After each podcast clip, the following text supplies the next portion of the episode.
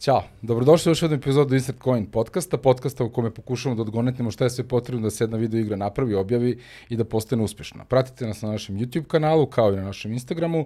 Takođe, epizode su dostupni na audio platformama kao što je Spotify, i podcast.rs platforma, kao i druge platforme.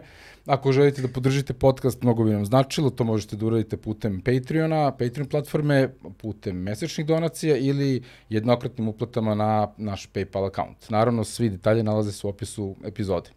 Sa nama su tu naravno i naši partneri, na prvom mestu Dogma sa svojim fantastičnim hoptopod pivom, u pitanju je uh, IPA, 6,5% alkohola, vozičkasta aroma. Uh, posetite ih u njihovom tep roomu u Radnjačkoj ulici gde imate zaista veliki izbor različitih piva na točalicama kao i fantastičnu, kao fantastičnu klopu. Uh, naravno, tu je i Dečko Car, carski brend, ekipa braće Burazere i koja stoji iza genijalnih dizajn dizajnova na majicama i na drugoj garderobi. Posetite ih u njihovim lokalima to je šopovima u Gračaničkoj ulici i u Baba Višnjoj ulici na Vračaru. E, takođe za sve e, slušalce e, našeg podcasta, Dečko Car je obezbedio 10% popusta na sve online kupovine na njihovom web shopu www.dečkocar.com. Ako unesete kod prilikom checkouta insert coin 10, dobit ćete 10% popusta na, na vašu poručbinu. I naravno tu je sa nama Nitea, e, kompanija koja u Srbiji stoji za brenda Herman Miller, fantastični brend kancelarijskih stolica, ergonomskog, ergonomskog dizajna. E, mi sedimo na Iron modelu, legendarnom modelu Herman Millera, svetski poznato možda jedno od najpopularnijih kancelarijskih, to je radnih stolica. Odlična ergonomija, čuva vam zdravlje prilikom dugotrajnog sedenja, ako zaista sedite dugo dok pravite igre, dok programirate, dok se bavite artom ili bilo čim drugim ili igrate same igre, naravno. Ove, ako dugo sedite, zaista obratite pažnju na, na, na vaša leđa uh, i proverite Heran Miller uh, stolice i program, nitea.rs je sajt, uh, veliki respekt.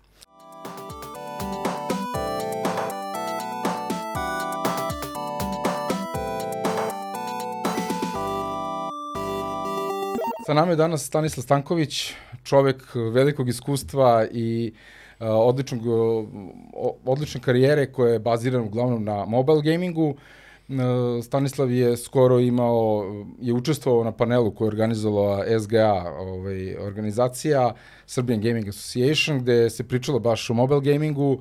On je bio jedan od trojice panelista, ja sam bio tamo, bilo je fantastično predavanje i sad eto imam i priliku da sa njim pričam direktno u jednoj od epizoda Insert Coina, tako da dobrodošao. Hvala, pre svega hvala na pozivu. Nema na čemu, da. I drago mi je da čujem da je panel bio zanimljiv. Bio odličan, to, zaista. To, to mi je pre svega osobito milo kako smo ga na brzinu organizovali i tako. Ja volim da, da, da dođem u Beograd ja se sastanem sa, sa, sa ljudima sa srpske gaming scene i čast mi je da učestvujem u vašem podcastu. Ne, zaista hvala, hvala, hvala. da, baš mi je, baš mi je drago. Ovaj, dobro, ovo je zaista ono, ti si bukvalno u proletu kroz Beograd, uh, uspeli smo da organizujemo ovo, tako da znam da nemaš pretjerano mnogo vremena, um, potrudit ćemo se da budemo onako što ekspeditivni u tom nekom smislu. Ovaj, tako da, mislim, ajde za početak, standardno pitanje za, za goste podcasta je upravo to, otkud ti u gamingu, otkud ti u gaming industriji? U, to, to mi je jako omiljeno pitanje zato što, za, zato što nekako tako životna priča. Da. S jedne strane, ja sam jedan od onih klijenca koji se zaljubi u video igre prvog momenta kada je, da. kada je prvu video igru video, a pošto sam taj generacija koja još pamti ono 8-bit doba, ja mislim da je to bila neka konzola Intelivox ili nešto što je moj ujak doneo ovo, i negde pozajmio nekog drugara i igrali smo, onda sam se u to zaljubio odmah, posle toga smo dobili ZX Spectrum, pa prvi PC i od početka sam hteo da, da, da pravim video igre. Nisam baš znao da definišem da želim da budem game designer, uh, ali sam hteo da napravim svoju igru kada sam se zaljubio. Imao sam tu sreću da su moji roditelji bili izuzetna podrška u svemu tome. Uh, ali imao sam tu nesreću da ja sam ona generacija koja je bila tinejdžer 90-ih u Srbiji, kada da. scena baš i nije, nije bila naj, naj, najsretnija.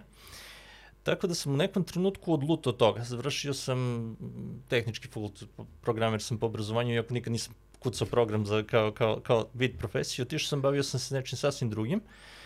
Ocelio sam se u inostranstvo, u Finsku, Um, I onda, ali sve vreme sam pravio igre za svoju dušu, pravio onako amaterski, uh, imao neki mali mini portfolio nekih nekih igara rađenih u Flashu i, i, i tako nešto.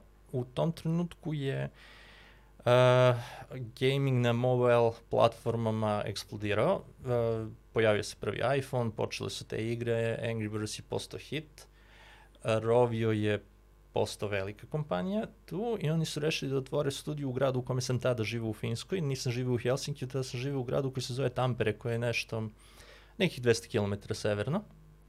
Poznat po tome što je odatle Nokia krenula. Mm -hmm. uh, pa sam se tako i ja obrao. Oni su otvarali novi studio i ja sam video da otvaraju studio, neko mi je skrenuo pažnju o to i bila je neka ideja da uh, jednostavno sam sastavio sam cover letter i poslao sam moj CV onako vrlo ambiciozno, vrlo bez ikakvog ustručavanja i rekao sam eto kao siguran sam da ćete da nađete neki posao za mene.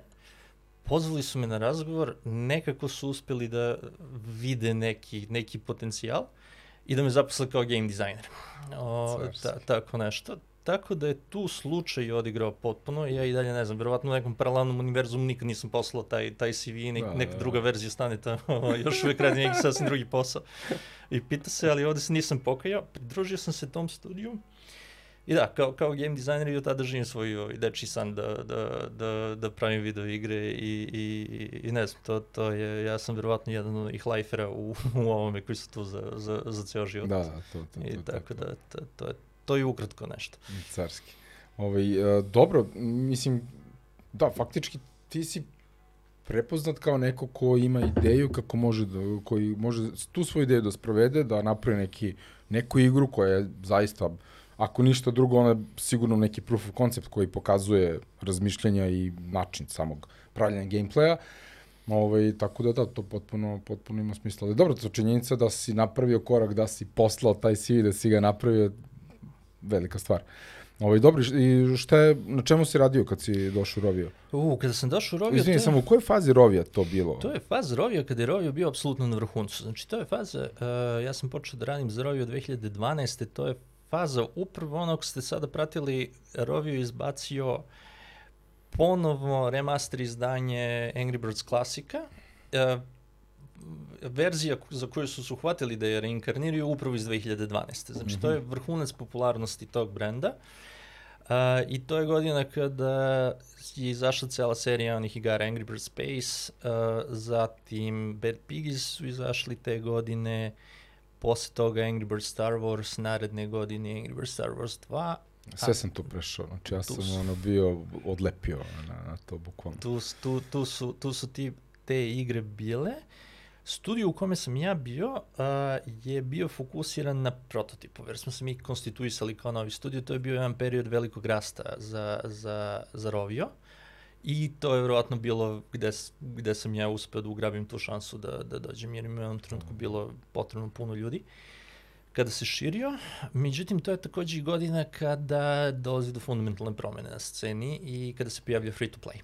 Da, izvinim, samo, znači da. Angry Birds inicijalno su bile premium igre koje su se plaćale, ne mnogo, ali su se plaćale i to je bilo to. Da, ja sećam, mi smo dobili 2012 ovaj, neki uh, tablet kao poklon jel, za venčanje, super, ja smo se tada uzeli i dobili smo iPad, ne znam koji, onaj Retina recimo, uh -huh. koji to broj bio i znam da smo onda uzeli to. Ceo taj paket svih tih igara i to smo igrali ono, do besumučnosti. Ono. Upravo, upravo tako. To, to, Rovio je bio, Rovio je bio kralj premium, premium igara, koje su bile sve za po 1 evro, 1 dolar već, da. kako, kako gde. Uh, I to je bio biznis model koji su oni razumeli i tip igara koje su razumeli. Nisam baš siguran do kraja, zato što je bila cijela neka serija igara za koje je non stop bilo nekih novih update-a, ali nije bilo nikakve monetizacije za toga, tako da no, konstantno smo pravili nove nivoje, dodatne nivoje za, za, za neki od tih igara, iako nije bilo baš mnogo smisla u mm, tome, da, ja verujem da, da su mogla da se prodaju svi ti paketi nivoa za po 1 evro bez problema. Bukvalno, 50 centi šta god da, da mislim. Da, da, da, da upravo tako i verovatno bi bolje prošlo. Um, da, međutim onda se uh, desila ta, to isto godina kada je Heyday, uh, kada je Supercell u stvari post, napravio svoj prvi hit, Heyday. Mm -hmm. Tačno se sećam kada je izašao i kako smo igrali u studiju i, i, i, i analizirali tu igru. I u narednih dve godine se scena potpuno promenila, um, biznis model se potpuno promenio i samim tim je i Rovio probao da uđe u, u, u tu priču i da se transformiše. ka free to playu. E, naravno, to je uvek teško kada, kada se menja biznis model i kada se menja filozofija kompanije iznutra, tako da je u tim velikim promenim i previranjima Rojo prošao kroz nekoliko transformacija i u jednoj tih transformacija je taj studio za koji sam ja radio nastradao, jednostavno, uh mhm. -huh. i zatvoren je. Ceo, ceo, ceo studio, to je bilo jesen 2014. Uh, bilo nekog razgovora da pređem da radim za, za uh, studio Roviju u centralu u, u Espo, odnosno u Helsinkiju, u Finskoj, međutim Electronic Arts bolja prilika se ukazala, pre svega zato što je franšiza na kojoj bilo da se radi je bio SimCity. Uh, konkretno SimCity Build It, koja je igra koja mobilna verzija SimCity-a, ali i dalje SimCity-a. To je nešto sa čim ja, sam ja odrastao kao klinac i, i jednostavno bilo, bilo, bila super prilika. A i finansijska komponenta je bila bolja, tako da u svakom slučaju bilo win-win. kao win-win. I, I takođe tu, oni su mene kontaktirali nekako, su preko nekog došli do mene, ja sam se javio na posao i nisam računao nije tu da imam neke naročite šanse, tako da sam potpuno rasterećeno otišao na, na, na razgovor. Uh, lepo popričao s ljudima, nemam pojma ni šta sam rekao, uh, zaboravio na to, konkurisao na nekoliko drugih mesta i odjednom su me pozvali. I, i, i tako, Svarski. tako da sam imao sreće barem jedno dva puta sa, sa tim poslom i tu sam ostao dobrih šest i po godina, sve do, do oktobra prošle godine i to je ubedljivo naj, najveći deo moje karijere tu prošao i neki razvojni put put učenja i tako dalje. Gde, no, što se kaže, ispekao sam zanat na Sim City. Na Sim City, na Sim City Build It. da, mobilnoj verziji, da. Da, ludilo, ludilo. Na, na, na tome. Ali takođe i na, i, i na svim onim prototipovima koji smo radili u Roviju, što je drugi neki aspekt. Na Sim City da. sam radio na, na ono što se zove Live, uh, mobilne igre, a, a, a ovamo sam radio na prototipovima, tako da sam nekako iz, iz dva izvora dobio dva različita dela da, razvojnog procesa, što je veoma zanimljivo. Sjajno. Mislim da sam imao sreću u tome, tako da... Sjajno, sjajno. A ovaj, i sad, šta se dešava? Mm, pa Više sam... nisi u, je, u EA-u, znači... Da, upravo tako. Jednostavno, bio sam jako dugo tamo i igra i dalje vrlo aktivna, vrlo živa, i dalje vrlo profitabilna, i dalje je uh, igrana od velikog broja ljudi. Uh, pratim i sada šta se dešava u njoj, ali jednostavno posle šest i po godina zaključio sam da je vreme da radim nešto drugo, da radim neki drugi projekat. Jednostavno sam zaključio da nema više toliko mnogo što ja mogu da dam tom projektu, a da, da, da to bude na nekom kvalitetu koji taj projekat zasluži da, pre da. svega.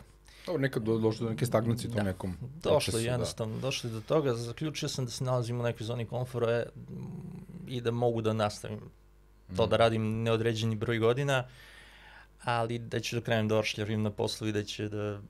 da nema, niti ja učim, polako. gubi se ambicija, da. jednostavno motivacija više nije mm. bila tu. Mislim da je cijela situacija oko korona i kod toga doprinela tome. Konačno sam pustio da me ubede da se priključim nekom, ne, nekom, nekom drugom timu. A, to je tim koji je napravilo par mojih kolega s kojima smo radili u, u s kojima smo radili u Electronic Artsu druga grupa kolega a, je opet došla iz Rovija, negde smo se preklapali, negde, s nekima smo se potpuno promašili, ali smo bili u istom tom nekom krugu i tako radimo. Uh, studio se zove Northern Stars, uh, inače je opet ogranak kompanije koja se zove Pixel United, Dobro. koja je opet da, deo kompanije koja se zove Aristocrat, koji se bave um, i gamingom, ali i, i prave uh, mašine za, kocka, za kockarnice i te takve stvari. Mm, okay, da. Ali gaming je prepoznatljiviji u ovoj mobile sferi, oni posjeduju takođe Big Fish i, i Plarium i nekoliko krupnih drugih, drugih izdavača. Mi smo jedan od pod ogranaka toga u okviru Pixel United, koji je kao neki kišobran. Da. I naravno radimo na uh, potpuno novom projektu. Sad, nije da ne mogu da pričam o tome, nego ne znam ni na koju će stranu da ode, jer se. Da. upravo, upravo ovih dana menja uh, radikalno koncept, radimo prototip i, i, i tako, probamo neke stvari, isprobavamo i tako. I dalje će biti za mobilne i dalje će biti free to play, to je nešto što... A nije gambling ili je u okviru ne, toga? Ne, ne, znači, nije, nije ništa totalno igra, klasika, da. igra ko igra, da. vrlo... To neki hyper casual ili... Is, ne, mi ne radimo hyper casual, ali opet je tu negde casual to mid core okay, okay, tip dobro. igre, tako nešto. Idealna sredina. Pa tako, nadamo se. Da. nadamo se da, da, će, da, da, da, da, da će izaći dobro, to je neka negde gde je ekspertiza svih nas, pa ćemo videti gde će to da, da nas odvede. Sve. I tako, imamo neke, probamo inspiraciju od par igara da sklopimo u, u nešto novo, pa, pa, pa vidjet ćemo kako, kako, kako ide. Koliki je tim, koliko ima ljudi? Uh, pa krenuli smo kao vrlo mali tim, na početku nas je bilo šest, sada nas je, ja mislim, 12 sa nekom tendencijom rasta kada dođemo do, do, do neke preprodukcije će nas biti možda do desetak i da. tako. Dobro, da, ako bude uspešno, onda da, da, skaliranje, da. Pa tipično za, za, za mobilne studije, polako dodajemo da. ljude kako se potreba, potreba povećava, kad, kako projekat ide kroz svoje faze, doći ćemo do... Da, do, da to ono što smo pričali u ofu, znači faktički na mobile, za razliku od recimo PC igara i konzolnih igara, ovaj, ono što si mi rekao, znači nije moja pamet, je upravo to, ta razlika gde ti za PC konzolne igre ti imaš veliki tim koji se možda ili smanjuje nakon relisa ili se potpuno gasi, a gde za gaming mali tim pravi prototip pa se širi, ide live i onda kada ode go live, ako je uspešno, dodaju se novi ljudi da se širi kontakt, da se održava, tako da, tako da da, taj model Ne. Upravo tako, upravo tako. Razlika je u modelu poslovanja. Da li, je, da li se igra prodaje kao premium, odnosno kao proizvod, ili je uh, igra kao servis u suštini. Uh, nešto što zahtjeva live. I kada se radi kao proizvod, naravno, jedni i drugi počnu nekog koncepta i nekog vrlo malog tima. Ali kada se radi kao proizvod, naravno, tim se povećava do, do onog trenutka kada se igra spremi za release. I, i kada se gro kontenta, sadržaja te igre, uh, e, mora da proizvede. E, I to je verovatno najveći obim tima u tom trenutku i onda se zbog toga i angažuju jako puno ljudi, angažuju se spoljni studija, outsourcuje se po nešto, jako puno toga i tako dalje i tu timovi umeju da narastu za, za velike produkcije do stotine i stotine ljudi. I onda kada se, kada se igra konačno objavi, to je uglavnom to.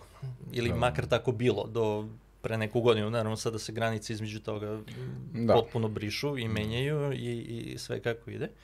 Dok je kod nas obrnuto, igre, mobilne igre, free-to-play igre u svom najgorem izdanju onog momenta kada se rilisuje i krene da raste i krene da se izgrađuje tek onda i onda da, i da, potrebe da. za većim brojem ljudi krenu da se povećavaju i tako to.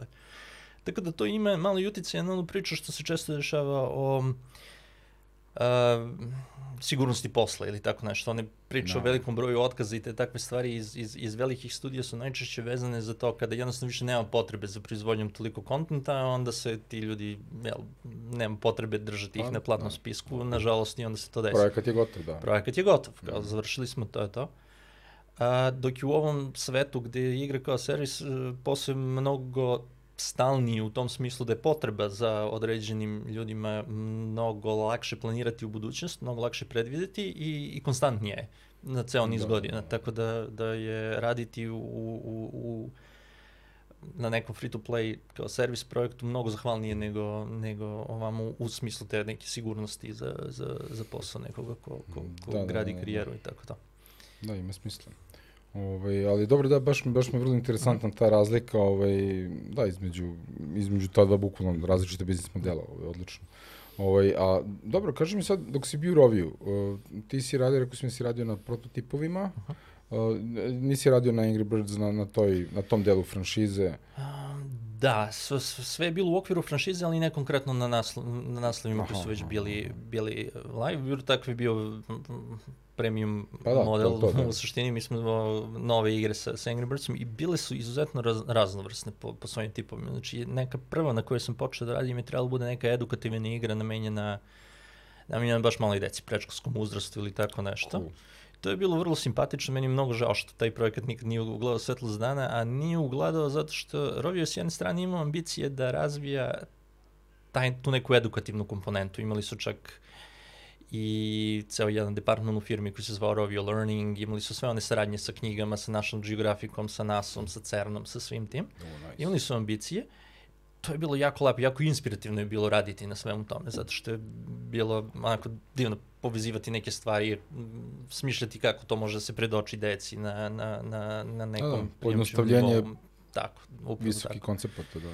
Međutim, sve vreme su želeli da naprave neki profitabilan biznis od svega toga, što je jako teško. Jako je teško raditi edukativan i softver koji, koji je profitabilan, pogotovo u suštini nije teško raditi, u stvari, moguće je sasvim raditi nešto što, što je profitabilno, ali je pitanje nivoa profitabilnosti. Ako se poredi sa nečim što pravi izuzetno velike profite, mm -hmm. kao mhm. što je bio premium gaming tada, to naravno onda izgleda malo, malo čudno. Tako da oni nikad nisu uspeli da nađu taj neki ugao s kojim su zadovoljni, mm, da, nažalost. Pa to je možda trebalo da ode u free, znači ne u free to play, nego u free, ovaj, a da to bude jedan odličan marketinški alat za njih, brand awareness, sve ostalo, corporate poeni, šta god, što je jedna lepa stvar ako može se učini, a benefit je taj. Ja mislim da, da, da bi čak bilo i profitabilno u onom smislu da bi, da bi eh, return on investment, da bi, da bi vratilo novac i, momentu, i da. bilo, da. bilo to, zato što umeđu vremenu nas je cijela niz kompanija koja radi izuzetno lepe stvari, za, tačno za taj uzrast, mm. tačno za šta su oni, oni želeli da postignu. Uh, Toka Boka, na primjer, iz Švedske ili tako da. nešto. Moja čerka odlepila na Toka da, da, da, znači to, to su... igrice, znači... Iako su lepe igre, Niz, nemaju eksplo, eksploitativni uh, monetizacijni model, ona sređuje neke mačkice, zečeve, kuce, imaju kućice, ja sam udušen zaista. To iskočila reklama, ovaj, ona je to instalirala, kao da, to mi se sviđa, rekao, ajde. I veliki respekt. Ja. Znači, to isto, isto Finci. Ne, oni su oni šveđani. Šveđani, aha. Postoji par kompanija u Finskoj koja radi vrlo slične stvari. Da. Imao sam cijel niz, kad je moj sin bio otprilike taj uzra za tako nešto. Uh, da, tako da to definitivno može bude profitabilno, ali verovatno ne u, u onom smislu u kome Kako su se oni tada videli kao, kao, kao neki model, nažalost.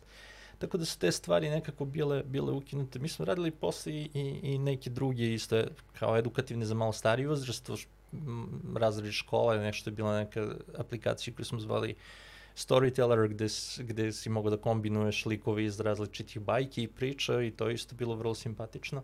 Cool. Onda neke klasične casual igre, razne variacije na, na temu Match 3 i tih takvih stvari i, i projekat na kome sam se najviše provio, to je neka, neka vrsta futbola u Angry Birdsu koje, koje, koje je trebao da bude. Uh, ali nažalost ništa toga nije uglavao svetlost dana kad je u svim tim transformacijama je nestalo. To je jedan od problema velikih, velikih kompanija, ka, ka, kako izgurati igru čak i kada se ima neš, neka radna verzija, da do objavljivanja do toga. To, to, to često ume da bude... A gde, gde, je proces, da kažem, zapne, to jest ne zapne, nego kad se prepozna da to ne treba da se gura dalje? Zbog čega se ne gura dalje? To mi je uvijek bilo interesantno. Zbog čega to? To, to, je, to je vrlo interesantno, zato što za ovih koliko, skoro deset, deseta godina, Desetak, što, što da, da, se da. bavim, nikad nije bilo dva put isti proces u, u, u hmm. suštini, čak ni u okviru iste kompanije. Uh, ali je u suštini uvijek bila ista boljka, a to je m, kod većine tih kompanija je problem a, sagledavanje rizika. E, jel, potrebno su određene ulaganja a, da bi se napravila igra, potrebno su određene ulaganja da bi se pribavili korisnici a, i to nosi sa sobom nekakav rizik. S druge strane, i ne objaviti igru nosi sa sobom nekakav rizik, ali većina velikih kompanija koje ja znam zapadnu u, u neko, ne, neki način razmišljanja ono što zove opportunity cost mm. za objavljivanje igre malo nezgodno. Odnosno, uvek vide projekat koji je u izradi, e, koji sa sobom ima neke svoje vrline i neke mane, ima neki potencijal, ali očigledno ima i neka ograničenja, kao svaki projekat Naravno, na ovom da. svetu. Da. I sad ako se to poredi s nekim realnim uh, osnovama, na primjer sa prethodnim projektom iz iste franšize, onda se to da nekako sagledati. Ali ako se poredi, a to se često dešava, sa idealizovanim projektom neke super igre koju bi mi eventualno mogli da pravimo u perfektnom svetu, onda ni jedan realan projekat ne može s njim da se poredi, jednostavno ona druga igra je bezgrešna, ne, ne, ne, nema nikakvih mana, a, a mi je sagledavamo samo nekom idealom. I to je nekakva moja diagnoza toga, toga svega s, s, iz perspektive jedno 3-4 kompanije koje, koje sam, koje sam, uh, dve koje sam iz prve ruke video i ove tako nekako.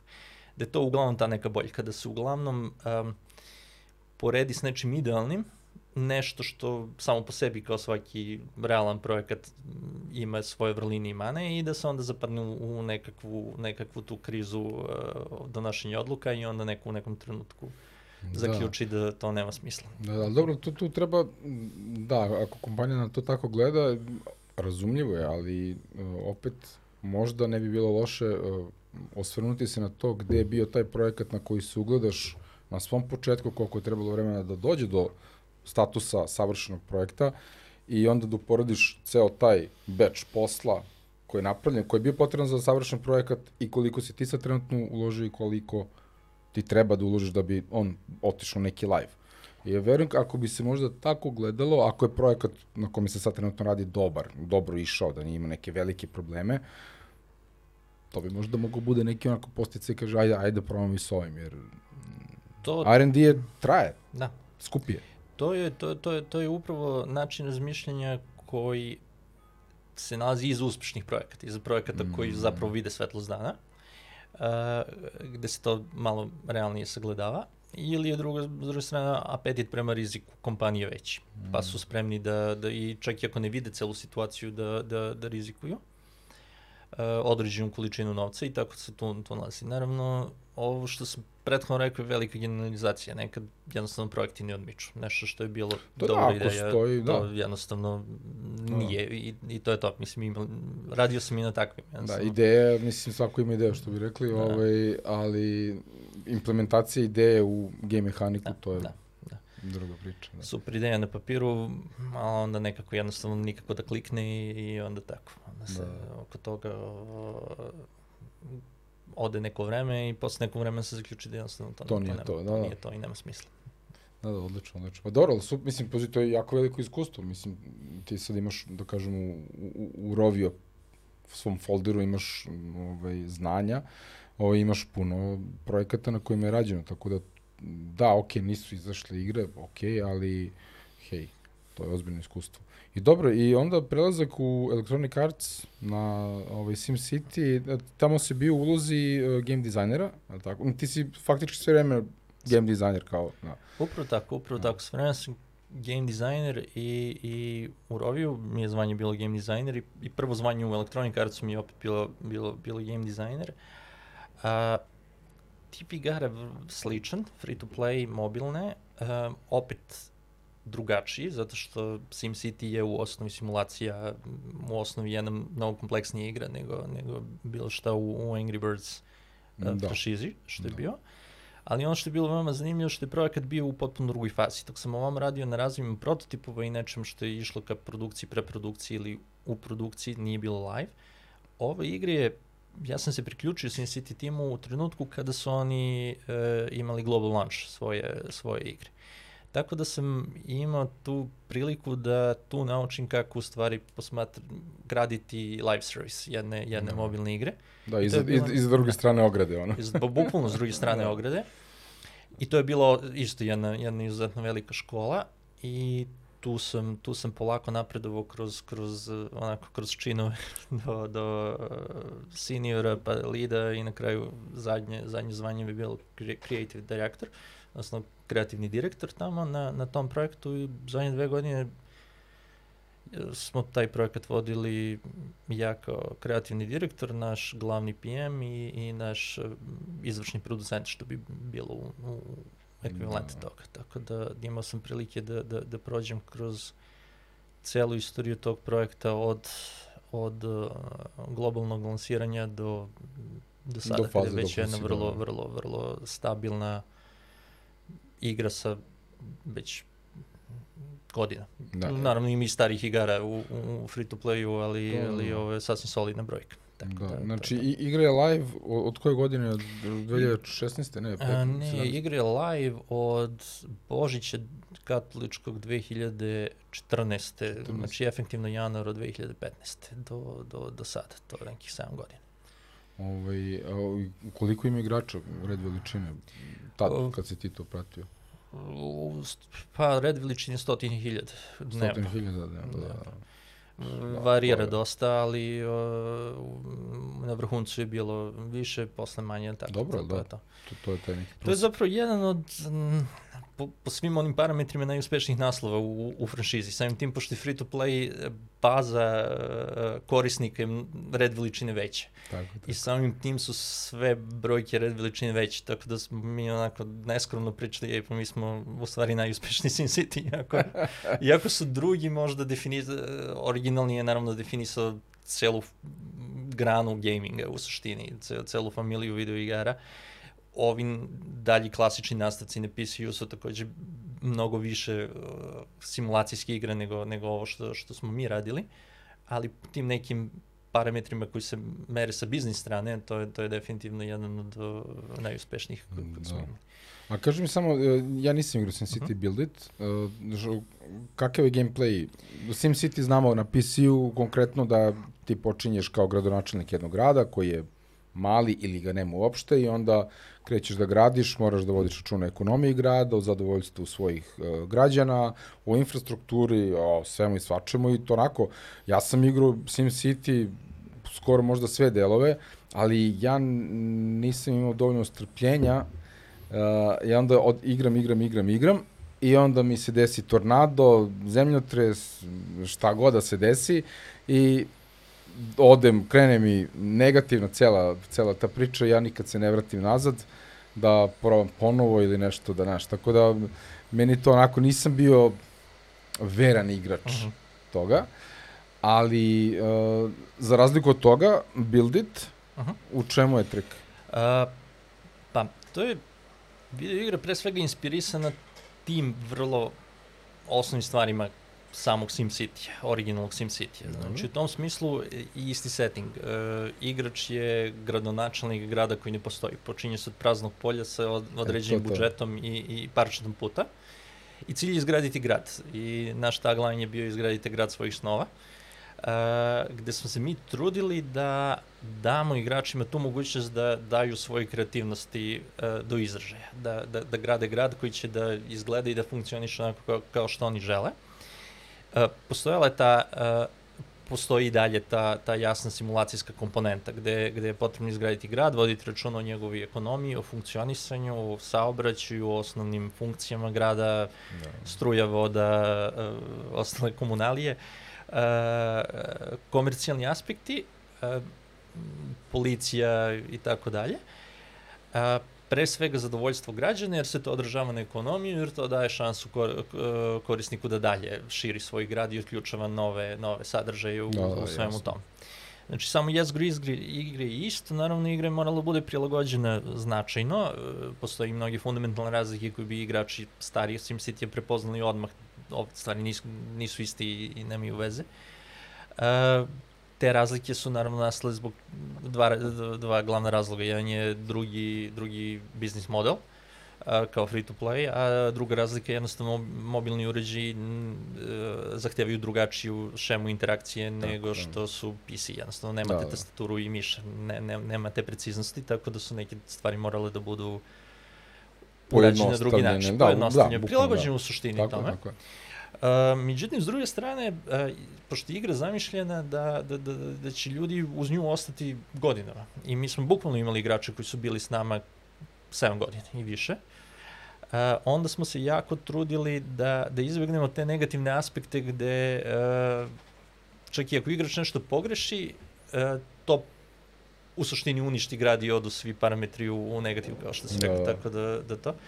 Tako da smo se trudili da, da, da te neke stvari nekako drugačije organizujemo, da uvek postoji nekakva šansa da, da igrač uh, se vrati, to izbalansira, se vrati, da. da neke negativne stvari budu posledica njegovih odluka, loših uh, i grešaka u planiranju, ne toliko uh, zahtevno u smislu da ako neko jednostavno bude odsutan od igre neko vreme da se da ceo grad da, odu da, da, požar i, minus, da, da. odu u minus i opusti se da. tako. Dobro, znači odlično je fora u tome što ti kao igrač u uh, SimCity Build It ne moraš da budeš non stop prisutan, pošto da, igra je živa i kad ti nisi online, taj grad raste, Uh, malo pre smo ofu uh, pričali o tome da u stvari ključ je u tome što tebi grad raste, ali vi ste uvili game, game mehaniku koja sprečava da se dese neželjene stvari, a da grad ipak raste, da ti kao igrač imaš neki incentiv da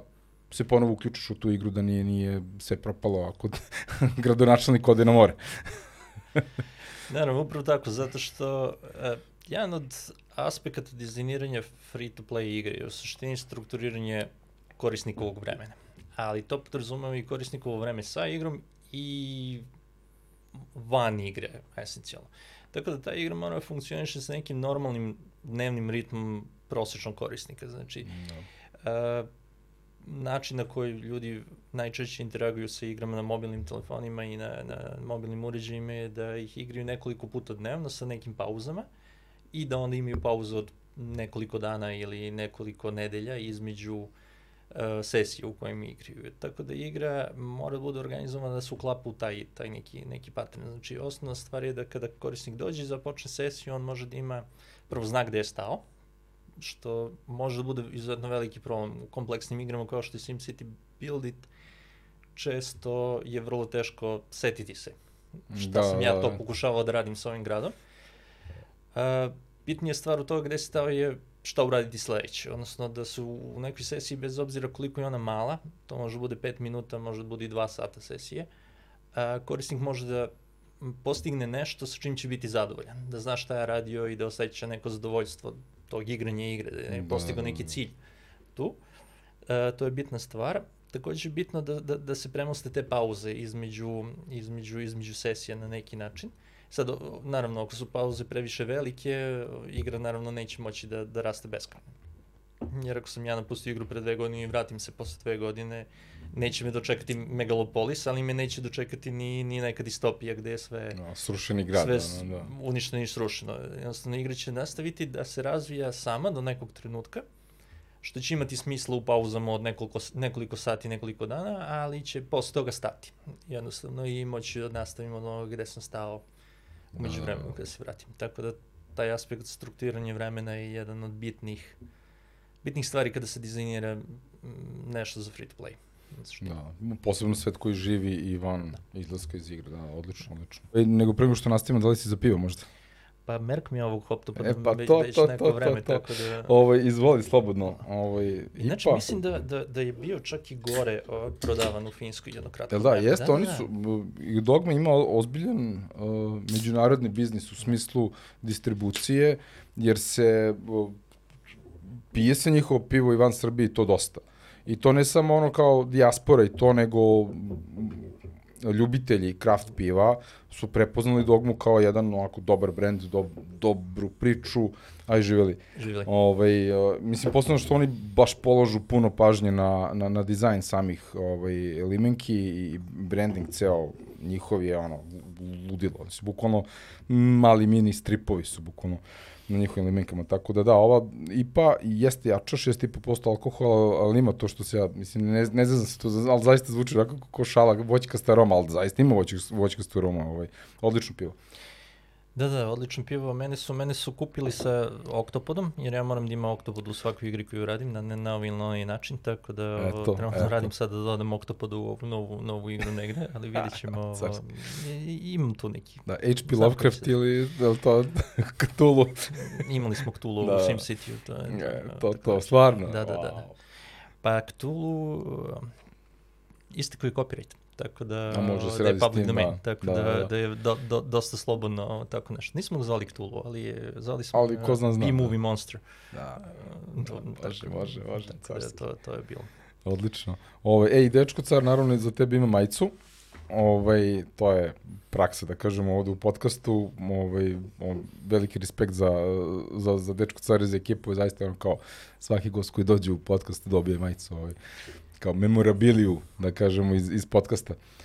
Ovaj, a kaži mi stolice, kakva ti je? Jesi sedeo u Herman Millerima, verovatno, do da, sada? Da, da, vrlo mi je, onako, je... sećam se kod, kod, kuće odmah. A, a za dečko car, hvala, super, ja sam tam, tamo sam mislio da, da prošetam do, do, do prodavnice, Međutim, evo. Eto, rešena stvar. Rešena stvar. A, pazi, ako stigneš prošete do prodavnice, ali evo, uštedili smo ti možda neko vreme. Svejedno ću prošati do prodavnice, nema makar do web sajta. Tako da, e, to, to, to, to, šmekerski. O, zapamti Insert Coin 10, 10% ako budeš naručivo, oni šalju u inostranstvo, tako da ovaj, i iz Finski može se poruči. To je u stvari ti si sad, nisi, ti nisi u Finskoj više? Uh, ne, jesam u Finskoj dalje, dalje da, da, da, tako da ako bude poručbina, bit će za tamo. Da, ali, izvini, ti si prema ti sad u Helsinkiju, da. nisi više, kako se zove, ostavi mozak? Tampere se Tampere, da, okej, okay, da, da. Ali to treba bi da znam Tampere, jer kad sam radio u, uh, u ovom, uh, bože, u Telenoru, onda smo imali neke priče sa, sa Nokijom i onda su kolege išle tamo. Ja nisam bio, ali da, tako da, pa, to, da, to. Da, Nokia, Nokia je... Su, ja ne znam da su oni sad u vreme kad smo mi sarađili sa njima, da su bili tad ono, u Tamperu ili su prešli već negdje, ne, nemam pojem sad, ajde sad. Svude su, ali bio je R&D deo veliki u Tamperu još, još uvek. No. Mislim da još uvek ima nešto. Originalno je Nokia zapravo um, jedno malo mesto pored Tampere. Tako da je to kao brand koji je nazvan po A Nokia nosi mesto što nisam znao. Nokia naziv mesto. Koja trivija, brate, da. da. To je to, jo, kao kad bi se zvalo Krnjača ili tako da. nešto. Carski. Krnjača, bravo, tako je, tako je, da, bukvalno, pa da, bukvalno, realno, brate. Da. Koji ti je telefon Borča? Pa, on, Karaburma, da, da, da. odlično, odlično. Ovi, ja mislim, ja ima, svi nazivi su im po selima u Skandinaviji. Pa imaju neki, neki uh, pattern gde su nameštaj malo luksuzni, to su švedski, a valjda stvari koje idu na pod, to su danska mesta ili tako nešto iz nekog razloga, ima, ima tu malo te komšijske, fora, neke, neke fore, tako nešto. To. Da, da, da. Carski, carski. Ove, ovaj, dobro, mislim, sad, ova sva iskustva iz Rovija, iz uh, EA-a, to jest Electronic Arts-a, uh, kroz tvoju karijeru, ti si faktički sve vreme game dizajner. E sad, meni je vrlo interesantna rola game dizajnera u game development procesu, šta radi game dizajner? Jer to onako, vrlo je nebulozno, nebulozno onako, nebulozno što bi rekli, nejasna je ovaj rola. Jeste, to, to, to je vjerovatno i onako najteže objasniti uh, rolu, jer svi ljudi misle, pa programeri prave igru, grafičari prave grafiku za igru, šta radi game designer. Uh, I, I uvek je zanimljivo probati da se definiše ta stvar. Ono što mene privlači tome zato što je game design u stvari neki spoj matematike i psihologije. A ono što game designer radi je, pa najbolje bi bilo pisati da, e, jer raditi na video igrama je izuzetno zahvalno zato što svi imaju ideje. Svi žele da nekako doprinesu uh, igri i svi imaju ideje ili za cele igre ili čak u okviru jedne igre za neke detalje, za neki gameplay mehanike, za sadržaj, za karaktere, za tih nekih milion stvari koje čini igru. A posao game dizajnera je da sve te ideje u timu sasluša i da ih sklopi u koherentnu celinu. Znači, grubo rečeno, game dizajner je onaj ko definiše pravila igre no. Da. na, na nekom nivou. Ako posmatramo igru kao futbol, koja nije video igra, ali igra, neko je mora da definiše da će tu biti po 11 igrača, da će se to igrati 90 minuta u dva poluvremena, da će tu da postoji 16 terac, da će tu da postoje uh, penali ili tako nešto. Da, da, da postoji gotik, da dimenzija, gotik, dimenzija, da je da. cilj igre postići go. Da. Uh, offside. Da je, offside, svetec, to da. je neko mora da definiše. U Super Mario je neko definisao, ok, o čemu je ova igra, preskakanju platformi, ovo je glavni lik, treba da stigne sa početka do kraja nivoa i tako dalje. To je nekako grubo rečeno posao game dizajnera, ali u praksi da, to je uh, od neke ideje doći do nečega što je zapravo definicija igre, nešto sa, uh, nekakva specifikacija sa kojom onda ljudi koji rade implementaciju koda ili grafiku mogu da barataju da bi se to konačno implementiralo u igru. I posle toga uh, ceo balans same igre. Odnosno, da, da. okej, okay, ako ja ubijem ovog oktopoda, ja dobijem poene, ali da li ja dobijem 100 poena ili dobijem 100.000 poena. I onda ako dobijem 100 poena, da li sam dobio 100 poena jer sam ga ubio harpunom level 1 ili sam ga ubio harpunom level 25 sa enchantmentom tim i tim, da, da sam dobio 100.000 i šta to znači u nekom širem kontekstu igre. Znači to bi bilo otprilike šta radi game designer. I moje nekakvo iskustvo, barem iz moje perspektive i moje perspektive shvatanja ih igara, ljudi kad kažu da žele da rade u video igrama, zapravo na početku je u suštini uvijek žele da rade na game dizajnu. Uvijek žele da imaju tu neku kontrolu nad tim kakva će igra na kraju biti kao gotov proizvod ili kao, kao sama igra. A posle toga neki eventualno odlučuju neka druga zanimanja, neki ostanu da rade ovo, ovo, ovaj posao ko, koji ja radim. Da, da, da. Tako da, da to, to je... Da, da, to je... Da, generalno, mislim, game designer je onaj koji smišlja kako se igra igra. To jest, to, upravo te game mehanike. Ovaj. Mislim, ja sam sad krenuo pravi neki prototip, zezam se. No, mislimo, možda bude nešto od toga, možda ne. Ali taj, taj moment mi je ekstremno zanimljiv, upravo to definisanje šta je igra. Ja imam priču koju hoću da ispričam, ja sad smišljam koji bi to gameplay bio koji bi najbolje ispričao tu priču. I, ovaj, I onda sam tu krenuo sad razne neke varijante, da li je to RPG, da li je to ne znam šta. Ovaj, da, naravno da je taj RPG, šta drugo ovaj, ambiciozni megaloman može da pravi, jel? A, I onda mi je tu negde fazom da, da osmisli mehanike koje da budu svrsi priče, ali da opet ta igra bude zanimljiva. I tu upravo dolazimo do toga e, šta čini jednu igru zanimljivom. Koji je taj game, game loop koji ti treba napraviš da bude fresh, a da bude dovoljno interesantan. Upravo tako, uh, razlika između videoigara i nekih drugih medija, kao što su, na primjer, film ili knjige, je što tu postoji dvosmernost. Znači, u, u knjigama, u filmovima, onaj ko definiše priču, ima potpunu kontrolu na time kakva će ta priča, ili veliki stepen kontrole na tome, na način na koji će ta priča biti primljena od strane korisnika, koji je, da kažemo, malo manje pasivan. Dok u video igram ima element interaktivnosti. Znači, ja kao game designer pravim video igru s kojom će korisnik na neki način interaguje i on će imati mnogo kontrole nad mnogim aspektima te igre. I onda naći pravilan odnos između toga, kako ja da ispričam tu priču, kako ja da dovedem u emotivno stanje korisnika koje želim, da.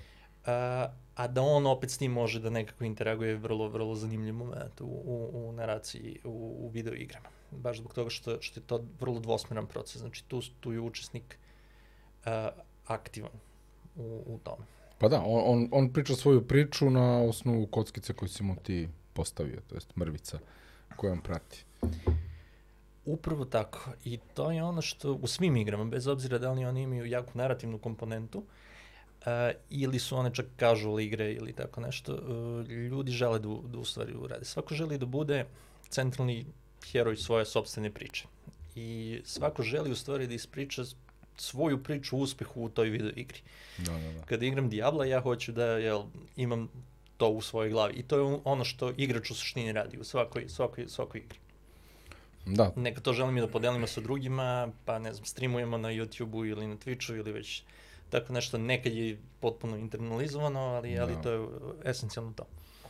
Da, da, i tu postoji ono mnogo priča, e, kad smo igrali Counter, pa sad ne znam šta, e sad da. onda smo mi njih pobedili, onda smo mi izgubili, onda, ali ti faktički sam napraviš taj neki svoj, ta narativ. Sad opet, ako je jako narativna igra, a ima opet branching story, znači da, da tvoj i moj playthrough biće drugačiji. Da. Možda će se završiti isto, ili možda se neće završiti isto, zavisi od opet od game dizajna, kako igra dizajniran u tom nekom smislu, ili taj narativ kako dizajniran, ali svako će imati svoj neki experience. Upravo, upravo tako. I ono što je caka uspeha je da svako ima vrlo pozitivan game experience, jer to je ono što, što želimo da im damo kao korisnici. Mi pravimo zabavu, u suštini želimo da se oni, da oni, oni zabave da, da oni budu. Da, ja skoro sam ovaj, kupio sam FTL igru, ovaj, znaš igru. O, to je roguelike igra koja ne prašta, naravno uključujem se, pošto sam, ja uglavnom igram igre sve na najtežem, najtežem modu. Ovde sam naravno uključio hard, ovde postoji easy, normal i hard, ja sam stavio hard. A, I vrlo brzo sam stradao, pa sam ponovo krenuo da igram, pa sam ponovo stradao, pa sam pokrenuo da igram, pa sam malo odmakao, pa sam opet stradao, onda sam ponovo, četvrti put sam krenuo da igram, stradao sam tipa na drugoj, na drugoj onoj tački, na drugoj planeti. Uh, ali sam se osetio čitovan za, da me igra prevarila i da me navukla. Jer mi nije dala pro, ja sam naišao, naišao sam na protivnika odma, bukvalno na, na, na, drugoj, na drugom onom nodu, uh, gde ja ga gađam i misujem ga, a imam tri ona lika po defaultu koji mi ovaj, rade na stanicama, znači ne znam, engine, o, ne znam šta se tamo ima, pilot engine i oružje. i mašim ga non stop, ispaljam te neke rakete koje prolaze kroz štitove i uh, ja njemu gađam sistem za naružanje, ali se ništa ne dešava. Misujem ga, on me izroka odmah. I nekako nije mi se dopalo. Pa, postoji prilično prosto objašnjenje. Nije, nije da. mi bilo objašnjeno šta da. treba da uradim da. i kako da izbjegnem smrt. Da.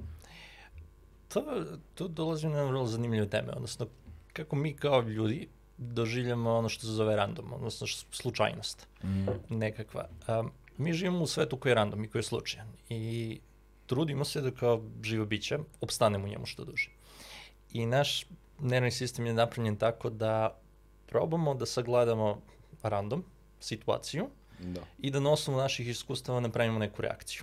I ako ta reakcija dovede do nekog pozitivnog dela, mi dobijemo malo dopamina negde duboko i reagujemo na to pozitivno. Ista stvar i u video igre. U suštini, zašto mi igramo video igre? Zato što je to onako jedan malo manji svet s kojim je lakše izaći na kraj nego sa realnim životom. Jer da, da. može milion random stvari da se desi koji će nas iznerviraju u toku dana, ali kad sad ne igram video igre, makar ću nešto da uradim da, da, da. pozitivno i se osetim kao super. Uh, ali onda ako u video igram imamo neku random situaciju na koju mi možemo da odgovorimo na neki način koristeći svoje znanje i sposobnosti, pa iz toga proizađe nešto dobro, onda obično osjećamo pozitivan efekt. A ako imamo obrnutu situaciju gde mi imamo nešto što nam se čini da je čista situacija, ako imam protivnika kog hoću da ubijem, imam oružje koje hoću da istvujem, pucam ja najbolje što mogu i iz nekog razloga, bilo zato što je stvarno dodato samo random koji, faktor koji množi verovatnoću da ću da, da, da ga pogodim ili ne, ili je to zbog toga što ne umem da izađem na kraj sa kontrolama, jer jednostavno da. nisam dovoljno vešt, a, to će dovede do frustracije, pre ili kasnije. To je onaj negativan efekt. Da. Znači, mi u svojoj glavi imamo neku premeditaciju ne, nečega što želimo da uradimo, ali rezultat nije onakav kako smo ga mi zamislili. I to odmah dovodi do, do, do, do frustracije. To je vrlo evolutivni mehanizam, jer evolucija kaže, ej, konju, prestani da radiš to što radiš, viš da ti ne ide. Da, da. I zbog toga, da, bacit ćeš tu igru, jer da, da, nema zadovoljstva nikako. Nije, nije mi da, znaš, prvo što mi neki koncepti nisu bili objašnjeni, ja sam prošao tutorial, znači Aha. igra kaže prođite tutorial, ja sam ga prošao vrlo onako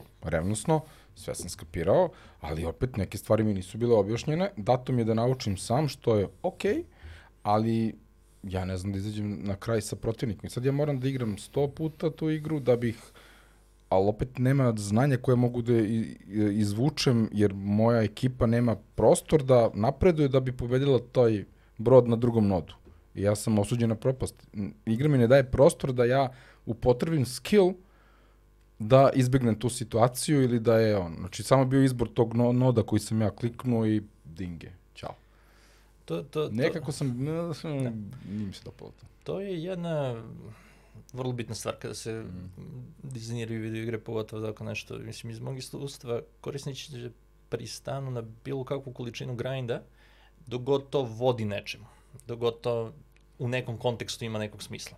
Znači, dok god postoji šansa da, da ja napredujem, da sam ja korak bliže svom cilju, ja ću da ponavljam, ok je to. Mm. Ali ako ja ne vidim svrhu toga, ako nema nikakvog, ako je rezultat i dalje i dalje vrlo haotičan, onda vrlo brzo će da to dovede do frustracije. Da, i meni isto uh, FTL igra nije mi objasnila šta je endgame igra, šta je cilj igre. Da, da li je cilj da uh, ja izađem iz tog sistema, da pređem u drugi, da uradim nešto, ili je samo igra bazirana na tome koliko ću, koliki ću skor da napravim. I ako je bazirana na tome koliki ću skor da napravim, onda mi je ova vrsta mehanike skroz ok. Ali ako postoji nešto gde ja moram da to prođem kroz x planeta i zvezdanih sistema da bih nešto uradio, onda što me ubijaš na početku. Ali igra mi nije to objasnila, ja ne znam šta je poenta FTL-a, da li poenta samo, da, pošto sam onda vidio da ona meni daje statistiku uh, toliko planeta, toliko ubijenih protivnika, toliko, ne znam, i skor dobiješ. I izgleda stvari score-based igra, da nije uopšte goal based igra ili šta god. Pa to je... Ne znam, ne znam kakva igra, moram to da izučim. To, to je vrlo zanimljivo, zato što neki od najuspešnijih igara o, upravo vidim na to da daju šansu korisniku da sam sebi definiše ciljeve, mm.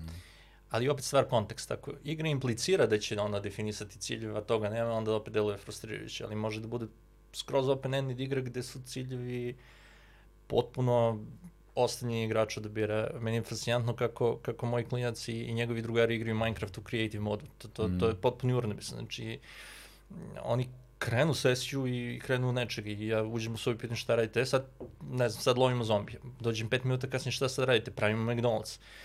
Kao šta sad radite, pa sad pravimo sahranu kučetu, jer kuće, ne, neko je greškom ubio kuće posle pet minuta šta sad radite, pa sad pravimo našu novu tajnu bazu koja se nalazi na dnu okeana. To je meni super, jer oni u, u, u svakom minutu definišu nove ciljeve svoje igre, oni su izuzetno sretni, izuzetno, izuzetno i divno. S druge strane dolazi njegov deda, odnosno moj otac koji zna, igruje video, zna ceo taj svet i, i kaže, ali meni nije jasno šta je cilj u toj igri. Pa rekao, i nema. Mislim, poenta da, je da, da ga da. sam definišeš. Posebno u creative modu, da. Po, pogotovo u creative modu. Poenta je da ga sam definišeš i njima je to super, jer je to u suštini virtualna kutija igračaka i oni da, mogu da, da ga aranžiraju kako da. hoće. To je esencija toga. U creative modu u Minecraftu to je to, ali kontekst takav da, da se ostavlja korisnik u potpunosti, da, da, da sam definiše te stvari i ta da. igra to radi maestralno. E sad drugi igre daju neke druge šanse, dok neke druge to strukturiraju skroz Super Mario je potpuno jasno šta je cilj u svakom da. trenutku. Jer je dosta linear. Sve druge igre padaju negde između po, po toj nekoj kategoriji kompleksnosti, ali najgore kada korisnik ne može da prepozna cilj. Šta je? Da. Pa ja sam stari gamer, ja igram igre, kažem ti, na najtežem i to, i ovo što nisam skapirao šta je point FTL-a, znači prošao sam tutorial sve, uh, ja sam trebao da odem na Wikipediju da pročitam šta je cilj igre, ili da njihov sajt, ili, znači, ja kao neko ko je dobio igru i iščito sve pre nego što je počeo da igra igru, u, nisam skapirao pointu. Pa to se dešava. To je da, tako, da. tako. Ali mislim, to mi je jako čudno za FTL koji je onako overwhelmingly pozitiv igra i legendarna je i zaista je ono ocena je sama kaže na Steamu konkretno i tako dalje. Mislim, ja nikad nisam igrao, ali evo, sad krenuo sam da igram čisto kao inspiraciju za ovo što ja radim, taj mm. prototip neki, i rekao je malo tu možda ima neke inspiracije, ali ima inspiracije zaista, ali mi je smorilo što kao, brate, pa što ste me ubili sad, mislim. Niste mi dali šansu da se odbranim. No. No. Pa, po meni to je malo greško u dizajnu, zato što bi... Pa, upra, da. to, da. De, to je upravo poenta mogu grajpa, da, znaš, upravo znaš to. se potpuno s tim, da, no. To je pomalo tome, ali sad s druge strane neću da kritikujem druge igre nešto preterano, ali da, ne, dobro, u, to, da. tome je... Uh, Ti to bi to rešio drugačije stvari, to je. Pa definitivno, no. probao bi da stavimo u drugačiji kontekst ili već, mm. ve, već nešto. Ali da, jedan od velikih aspekta game dizajna je u stvari kako se definišu, definišu ciljevi igre, odnosno kako se postavlja kontekst da je korisnik u, u stanju da prepozna. No. To je i razlog zašto je RPG toliko uh, popularan, jer uh, glavna caka u RPG-u jeste i naracija i sve to, ali glavna caka je da korisnik uvijek ima nešto gde može da napreduje, ne, nešto gde može da, da gura dalje. Da, neki kontekst, neki cilj koji može da izabere. Ako ništa drugo da level upujem lika neki aspekt od njega ili će da idem neki side quest ili već da, nešto. Znači uvek postoji nekakva mogućnost da se, da se krene dalje.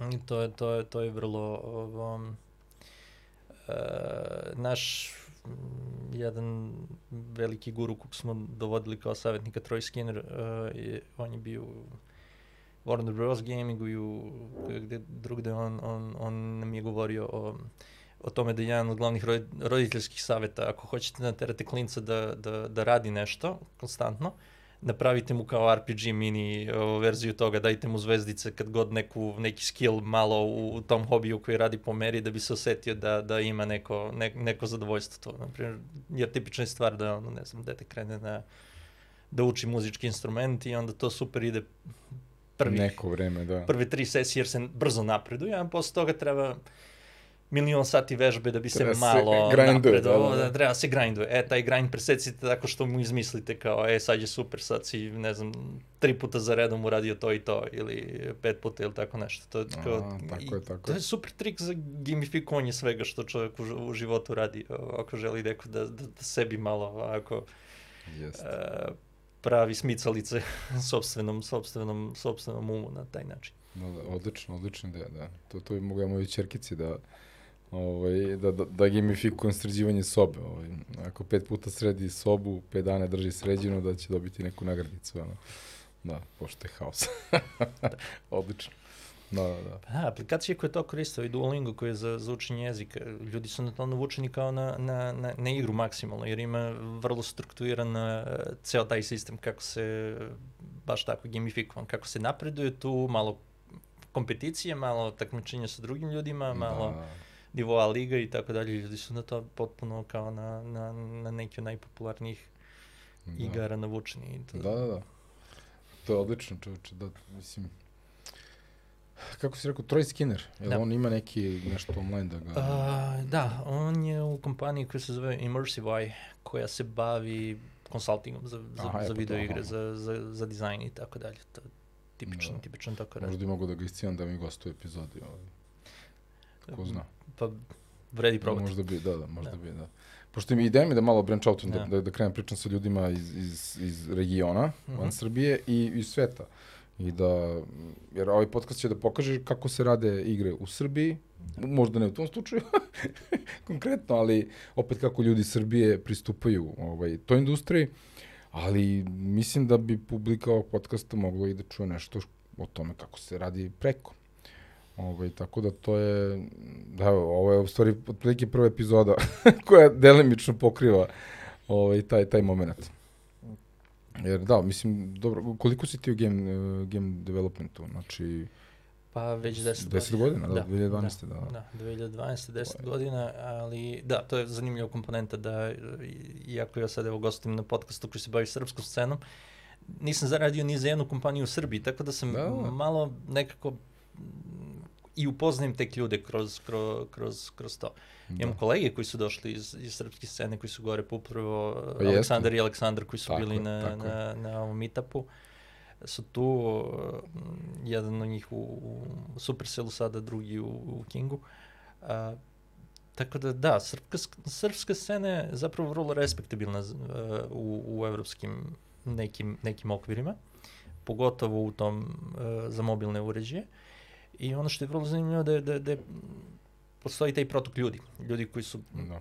počeli iz srpske scene, koji idu dalje, verujem da i da dolaze ljudi, drugi ljudi iz inostranstva, tako da postoji ta, ta neka korespondencija. Da, da, ima, ima, ima. Ovaj, baš ima razmene i generalno Kristina iz SK bila, bila isto ovaj, u jednoj od prethodnih epizoda i baš smo pričali o tome kako oni rade svoj uh, report i report je vrlo interesantan i drugim asocijacijama game developer, game, game development asocijacijama u drugim zemljama i gde oni jako, dobiju jako dobre insajte o tome šta se radi u Srbiji zahvaljujući upravo tom izveštaju. Tako da, mislim, definitivno postoji ovaj community u Srbiji i naši ljudi preko koje, mislim, da do, dosta ljudi ode.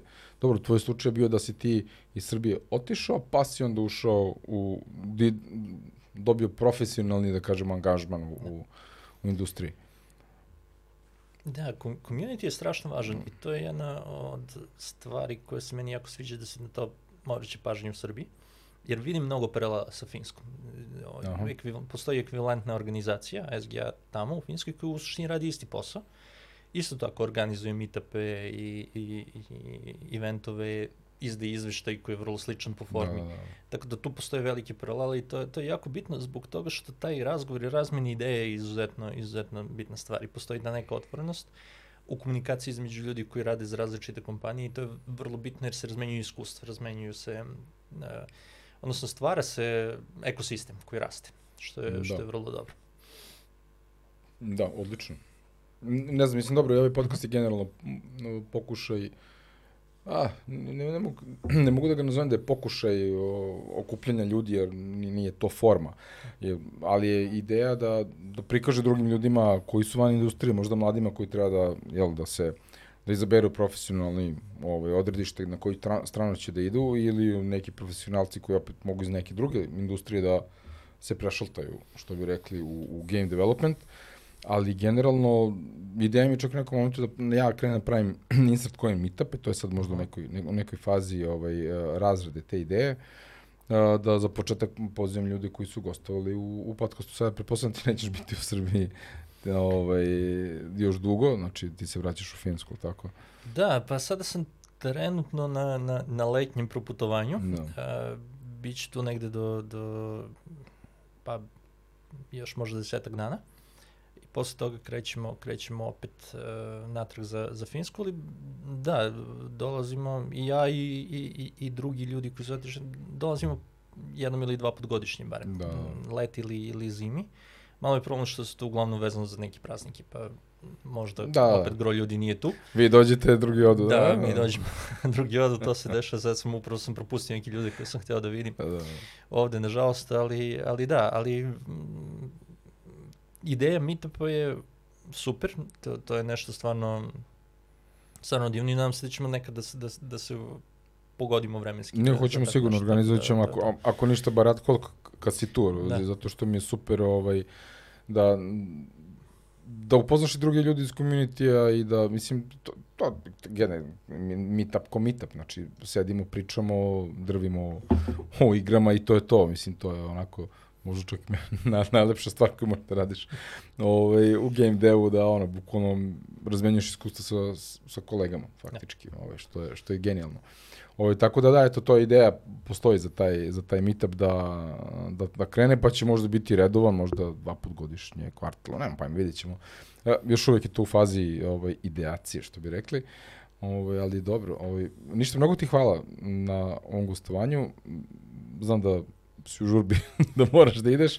Ovaj, ja bih pričao do sutra o, o game dizajnu, ali mislim da smo pokrili jako ovaj, bitne tačke što role, što tvog ovaj, e, puta u karijeri. Sledeći put, kad budeš došao u podcast, ja se nadam da, da hoćeš da pričamo o novom projektu na kome radiš, tad će verovatno biti možda malo više mesa. Da. Možda će biti release, ko zna. Uh, pa ja se nadam. Z zapravo da. na, nadam se, u stvari nadam se da ću da, da, da ću da budem u Beogradu ponovo što skorije, tako da ne znam kako će, a s druge strane i želim da do releasa dođe što skorije, e, tako to, da ne znam šta će da, da pretekne uh, uh, šta od te dve stvari, ali da, definitivno bilo mi je veliko zadovoljstvo što sam gostovao u, u, u podcastu. Hvala. I bit će mi zadovoljstvo kad god, kad god me... Kad god si tu, to, uvek si dobrodošao, ako ništa, ono, popijemo pivo iz Blejma, ono, ovo je stvarno... To, to, to da, u svako doba, to je, to, to, to je to, to. I da, žao mi je što je sad ovako malo kompaktan termin, pa što pa, bi dobro, se reklo, ali, ali, ali da, e, malo smo ovo ad hoc organizovali, ali mi je zadovoljstvo u svakom slučaju. Jeste, odlično. Evo ruke, uh, op, drago mi je bilo, ovaj, ništa, kad budeš bio tu, čujemo se, ovaj, pa možemo opet da se vidimo, to je to. Takođe, svako dobro. Svako dobro. Hvala puno, Ćao.